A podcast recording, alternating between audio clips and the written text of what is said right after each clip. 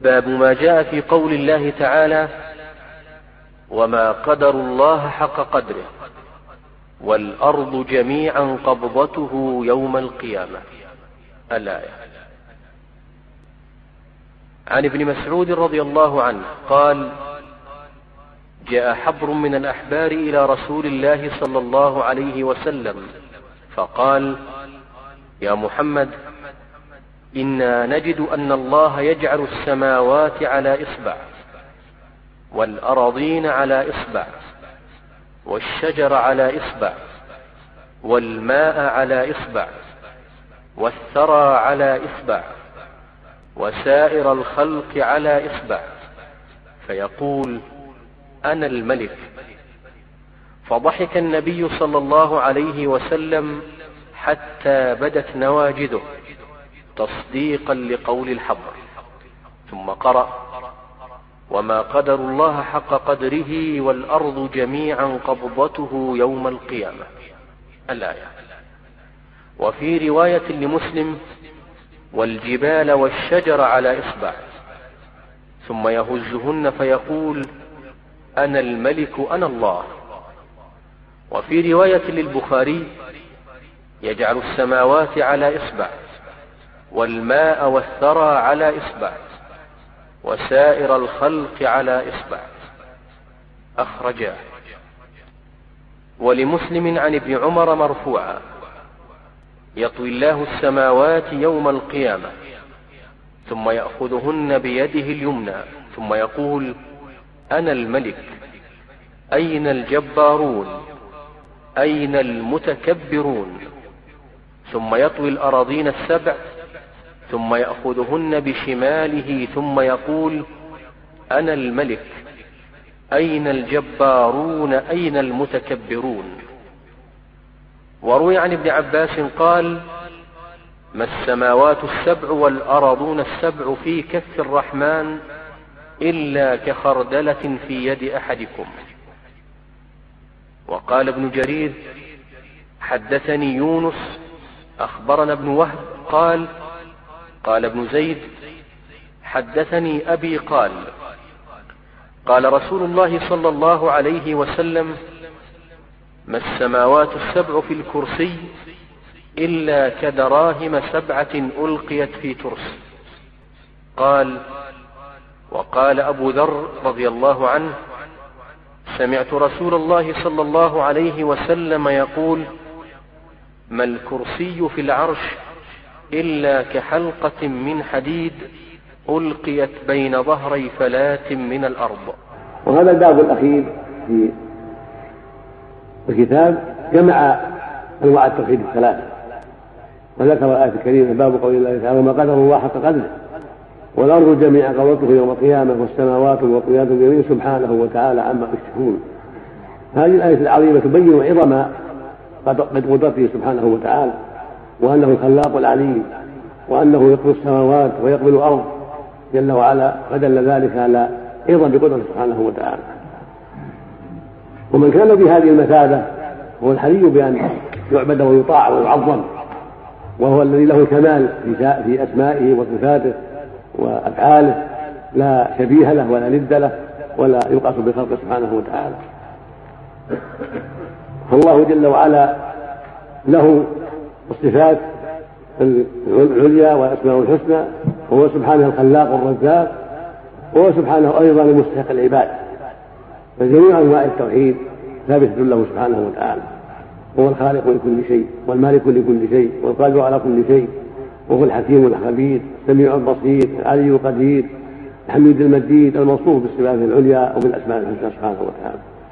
وبذلك يعلم أنه أيضا المستحق العبادة.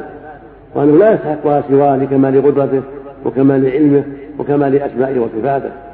ومن كان بهذه المثابة فإنه يستحق أن يعبد ويطاع لأنه المالك لكل شيء والقادر على كل شيء والرزاق لعباده والقائم بحاجاتهم وأعمالهم. وفي هذا الحديث حديث ابن مسعود رضي الله عنه أن حبرا من الأحبار يقال حبر بالكسر ويقال حبر بالكسر والحبر العالم. حبر من الأحبار يعني عالم من العلماء ويفتح أيضا يقال حبر. جاء إلى النبي صلى الله عليه وسلم يعني من علماء اليهود وأخبر انه أن نجد في كتبنا في التوراة الله جعل السماوات على إصبع والأرض على إصبع والماء على إصبع والشجر على إصبع وسائر الخلق على إصبع. وفي اللفظ الآخر والجبال والشجر على إصبع والماء والثرى على إصبع وسائر الخلق على إصبع. يعني أنه سبحانه يحمل هذه المخلوقات على اصابعه الخمسه جل وعلا. مع عظمتها وسعتها هذه السماوات مع عظمتها وهذه الأرض مع ما فيها من الجبال والشجر وغير ذلك. وهذه المخلوقات العظيمة هو سبحانه وتعالى يأخذها بيده جل وعلا على أصابعه الخمسة ويهزها ويقول أنا الملك أنا الجبار أين الجبارون؟ أين المتكلمون أين ملوك الأرض؟ هذا كله يبين لنا عظمته وقدرته العظيمة.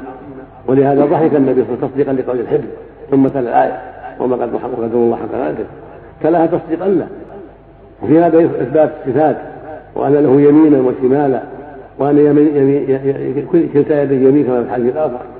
كلتا يد الرب يمين مباركة سمى إحداهما يمين وسمى إحداهما شمالا من حيث الاسم ولكن من حيث المعنى والشرف كلتاهما يمين مباركة ليس في شيء منها نقص. وكذلك الكف السماوات والسبع وما في كف الرحمن إلا كخردلة في يد أحدنا هذا يبين عظمته سبحانه وسعة جوده وكبريائه وأنه الخلاق العليم وأنه القادر العظيم وأنه المالك لكل شيء وأنه يستحق لأن يعبد جل وعلا دون كل ما سواه.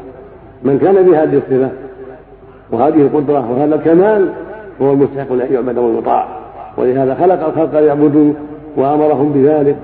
في قوله سبحانه وما خلقت الجن والإنس إلا ليعبدون. يا أيها الناس اعبدوا ربكم وأرسل الرسل بهذا الأمر. وبين أسماءه وصفاته لعباده ليعظموه ويذلونه وينقادوا لأوامره وينتبهوا لعظمته ويجتهدوا في طاعته ويحذروا مناهج سبحانه وتعالى. وعن ابن مسعود قال بين السماء الدنيا والتي تليها خمسمائة عام وبين كل سماء وسماء خمسمائة عام وبين السماء السابعة والكرسي خمسمائة عام. وبين الكرسي والماء خمسمائة عام والعرش فوق الماء والله فوق العرش لا يخفى عليه شيء من أعمالكم.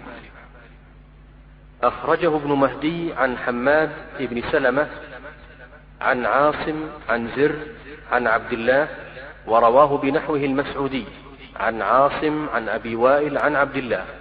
قاله الحافظ الذهبي رحمه الله تعالى قال وله طرق. وعن العباس بن عبد المطلب رضي الله عنه قال قال رسول الله صلى الله عليه وسلم هل تدرون كم بين السماء والأرض؟ قلنا الله ورسوله أعلم. قال بينهما مسيرة خمسمائة سنة. ومن كل سماء إلى سماء مسيرة خمسمائة سنة. وكتف كل سماء مسيرة خمسمائة سنة. وبين السماء السابعة والعرش بحر بين أسفله وأعلاه كما بين السماء والأرض. الله تعالى فوق ذلك. وليس يخفى عليه شيء من أعمال بني آدم. أخرجه أبو داود وغيره. وصلى الله وسلم على نبينا محمد. هذان الحديثان من أحاديث الصفات ومن أحاديث العلوم وقد أجمع أهل السنة والجماعة على أن الله سبحانه في العلوم فوق العرش فوق جميع الخلق وإنه في كل مكان. والأدلة على هذا أكثر من أن تحصر من الكتاب والسنة. فقد جاء في القرآن الكريم من الآيات الكثيرات ما يشهد لهذا وأنه سبحانه فوق العرش. بثلاث واضح في آيات الاستواء في غيرها يا عيسى متوفيك ورافعك إليه. ورفعه الله يصعدك الطير والعمل يرفعه في آيات كثيرات وهكذا السنة. ومن ذلك حديث مسعود هذا هو حديث صحيح جيد.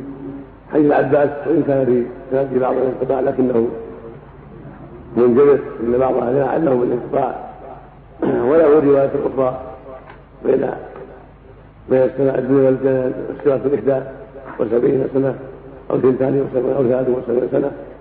قال بعض أهل العلم الجمع بينهما أن السير يختلف وأن 500 عام بالنظر إلى سير الأحمال وتبديل الأقدام سير العادي. وغير سبعون سنة ونحوها بالنظر إلى سير البرد والسير الخفيف قوي فإنه يكون بمقدار سدس بالنسبة إلى إلى الأحمال والمثقلات أو أقل أو حول ذلك. فالحاصل أن هذا على كل تقدير يدل على علو الله جل وعلا وفوقه سبحانه وأنه فوق العرش وأنه قد جميع الخلق وأنه لا يخفى عليه من أعمال بني آدم مع علوه وفوقه سبحانه وتعالى لا يخفى عليه من أعمالهم وفيه الدلالة على ارتفاع هذه المخلوقات وسعة ما بينها من هذه المسافات العظيمة. وربك هو الخلاق العليم جل وعلا. في عام لها شأن عظيم. هذا الفضل بين الأرض وبين السماء. وهكذا بين كل سماء. سواء كان 500 عام كما في حديث مسعود أو 73 عام كما في رواية حديث عباس بالنظر إلى سير الفرد والمراكب المستعجلة. ويدل على سعة ما بين هذه المخلوقات وبعد ما بين هذه المخلوقات. والذي خلقها سبحانه وتعالى أعظم منها وأكبر جل وعلا. فهو المستحق أن يعبد ويعظم مع الإيمان بعلوه وفوقيته وأنه لا تخفى عليه سبحانه وتعالى من عباده. يعلم ما في قلوبهم ويعلم السر وأخفى ولا من علمه شيء مع كونه فوق جميع هذه المخلوقات سبحانه وتعالى. وفق الله الجميع. اللهم صل وسلم